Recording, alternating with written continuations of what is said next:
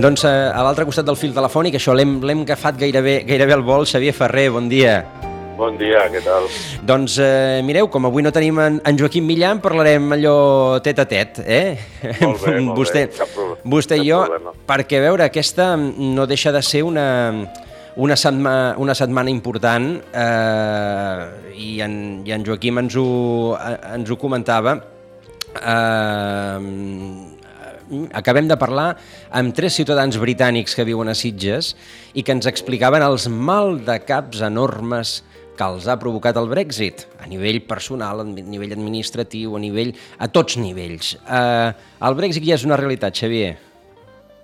Sí, és una, és una realitat que, evidentment, en, aquest, en els ciutadans britànics que ho viuen, de, i si a més a més si tenen relació amb, la part, amb una part de la Unió Europea, com som nosaltres aquí, o també en els ciutadans de, de la Unió Europea, eh, ha significat un mal de cap i durant eh, quatre anys que fa que dura aquest desenllaç.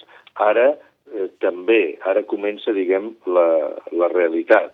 I com comencen les realitats, tot i que es va aconseguir aquest acord in extremis eh, que permet, doncs, com a mínim, que no hi hagi disfuncions grans, cosa que hagués passat si no s'hagués signat aquest acord, eh, la veritat és que un canvi d'operativa i de funcionament després de 47 anys de, de projecte comú, doncs encara que hi hagi un acord a grans trets signat, mmm, té després disfuncions operatives eh, entre la ciutadania i les empreses i també disfuncions en l'àmbit del sentiment de les persones, uh -huh. que suposo que part dels, dels que, britànics que no he pogut sentir que ho, que heu entrevistat doncs, també devien tenir aquesta sensació, no? Sí, sí, a veure, bàsicament eh, tots tres amb els que, amb els que hem conversat, eh, tots tres eren, eren partidaris del Remain, però com gairebé tota la comunitat expatriada, això, això sens dubte,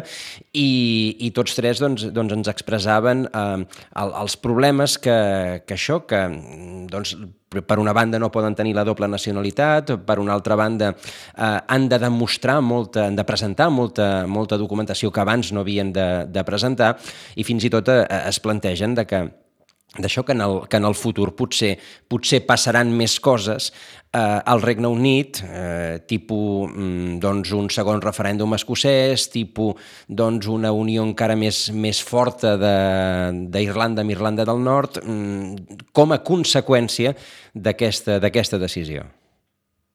Sí, sí, clar, és, que és el que vinc a dir, a dir jo. De, de moment s'ha fet aquest acord, penseu que encara, si es va fer amb el temps amb el temps eh, in extremis que encara no ha passat pel Parlament Europeu, que era una de les consideracions que, que, que tenia que, que tenir aquest acord. No? Uh -huh. I després també s'han establert un, un, uns espais d'uns d'un temps, d'uns mesos, de que tot, diguem, continuarà igual, però la realitat eh, canviarà.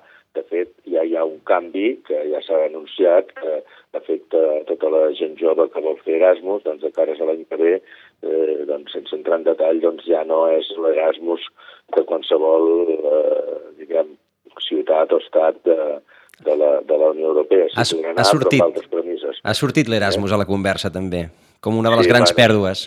Sí, això també, i després també eh, eh, en breu, en fi, canviaran també les estratègies a les fronteres.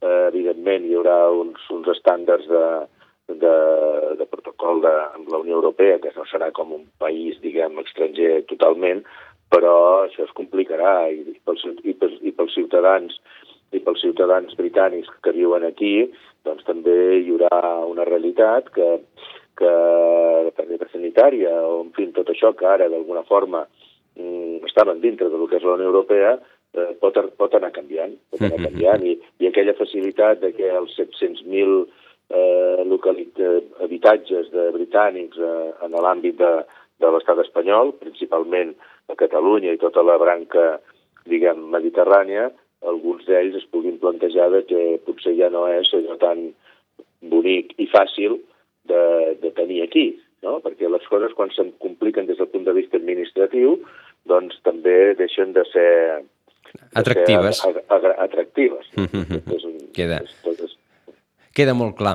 Um, tenim, tenim dos, com a mínim dos temes més que, que volíem comentar amb en, amb en Xavier Ferrer. Uh, el primer té relació amb una cosa que ha de passar demà, que és la presa de possessió finalment de, de Joe Biden com a nou president dels, dels Estats Units i tot el que ha comportat aquest eh, convulsíssim final de mandat de Trump assalt al Capitoli inclòs, eh, gairebé de tot plegat com, com de, de pel·lícula. Eh, anem cap a una normalització, estabilització de les relacions entre la Unió i els Estats Units gràcies a això? Sí, però deixa'm fer una prèvia. Eh, el mandat de Trump encara no ha acabat. eh, eh, encara, no, no, és que encara no ha acabat. Està previst que ell avui i demà que acaba encara, eh, a part d'una cosa més interna, podem dir, que dongui una sèrie d'indults, que podria fins i tot donar-se-la ell mateix, no uh -huh. sé si, eh, per, ja per fer-ho més esperpèntic, però també ha dit que faria una cosa que la previa fa un any, que és doncs, tornaria a obrir els vols de la Unió Europea amb els Estats Units, només que, que, només que amb el control de, d'un test de Covid. Llavors això també ja Biden ha dit que ho, ho anul·larà, perquè s'entraria en vigor el 26 de, de gener, eh, perquè ho anul·larà, quan sigui ja president demà passat, perquè serà molt més dur que Trump amb el tema del control de sanitari, no? Eh, bé, ho, dic, ho dic perquè aquest senyor, fins al final, jo crec que fins i tot després, eh, per desgràcia, n'haurem de sentir parlant. Eh, Biden el que farà, sí, eh, Mr. Mini irà recuperant la, la manera de veure la gent d'aquesta multilateral i el posicionament dels Estats Units tal com el teníem, tal com el teníem previst, però no ens fem, no ens fem masses il·lusions. Això un estat sèrio com encara, o recuperarà zero als Estats Units, després de la ràtica eh, eh, quatre anys, els erratis quatre anys de Trump, eh, els canvis internacionals no es fan en dos dies, sinó que es fan progressius i quan, i quan es poden. No? Per tant, el, el tema d'arancels que afecten aquí en els, en els agricultors de vins i olis eh, europeus i també ens afecta aquí a l'àmbit de Catalunya no canviarà d'un dia per l'altre en tema d'arancels, però sí que irà canviant eh, tema de relacions amb la Xina, doncs m'imagino que s'irà recomposant, eh, que prendrà la decisió perquè la decisió no és de canvi immediat, però sí de, eh, de tornar a formar part de l'acord de París, eh, amb el canvi climàtic, doncs totes aquestes coses.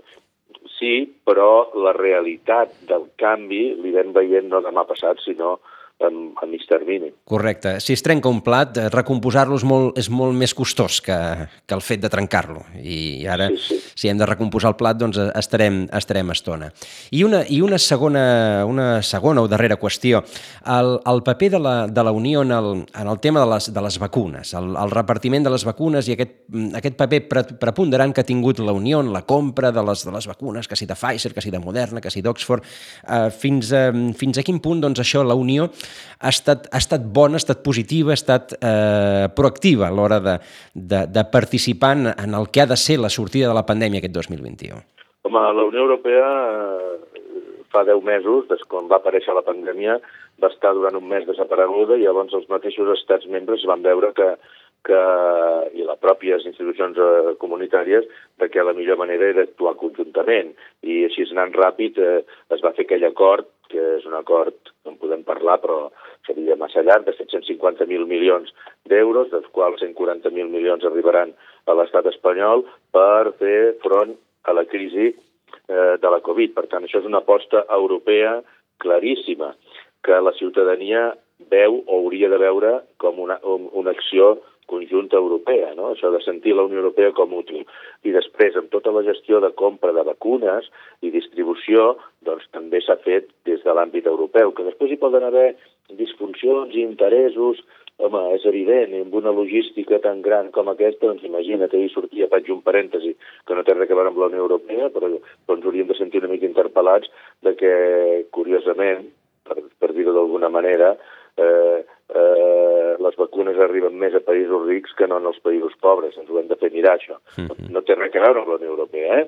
No, no, no. Per tant, respecte a les vacunes, doncs s'ha fet una gestió europea, coordinada, i que això hauria de servir també perquè la, la ciutadania veiés la Unió Europea com més propera i com unes institucions útils eh, a les seves diguem, necessitats i també la llibertat i seguretat del propi ciutadà doncs, aquesta, aquest, aquesta gestió que doncs, probablement podrem, podrem continuar analitzant eh, en, en futures ocasions aquí a l'hora d'Europa. No en tenim temps ara per parlar-ne, però probablement també podrem eh, durant, durant aquest any fer algun comentari sobre, sobre el nou flamant substitut d'Angela Merkel. Esperem que aquest dia sigui el definitiu, perquè és que han, han sortit una, una pila de, de, de noms i ara so, eh, sembla que la cosa, que la cosa han, han anat pel més moderat de, de sí, tots. Sí, han, han, anat, han anat pel, després de la fallida de la AKK, que es deia, de sí. la que l'havia substituït, que la, dels tres que havia, doncs, s'ha optat o han votat, encara que no massa per marge de vots, però és el, el que d'alguna forma eh, està més proper al pensament i al funcionament de, de Merkel. Per tant, hem d'esperar que Alemanya després del setembre segueixi sent aquest motor, aquest estat eh, tranquil en, aqu en aquesta època que estem de, i que impulsi la Unió Europea també, uh -huh. i la idea comú d'Europa. Doncs eh, de tot això en parlarem probablement en futures eh, edicions de, de l'Hora d'Europa, avui com dèiem sense, sense en Joaquim Millan per, per problemes de, de feina, però agraïm haver pogut així, gairebé enganxat al vol eh, a Xavier Ferrer, el president del Consell Català del Moviment Europeu, doncs per fer-nos aquests quatre, aquestes quatre pinzellades d'una actualitat que està ben revolta i ben interessant eh, pels, que, pels que ens agrada doncs, el, que, el, que està, eh, el que està voltant per tot plegat. Eh, Xavier Ferrer, moltíssimes gràcies per aquesta estoneta. Molt bé, gràcies a vosaltres.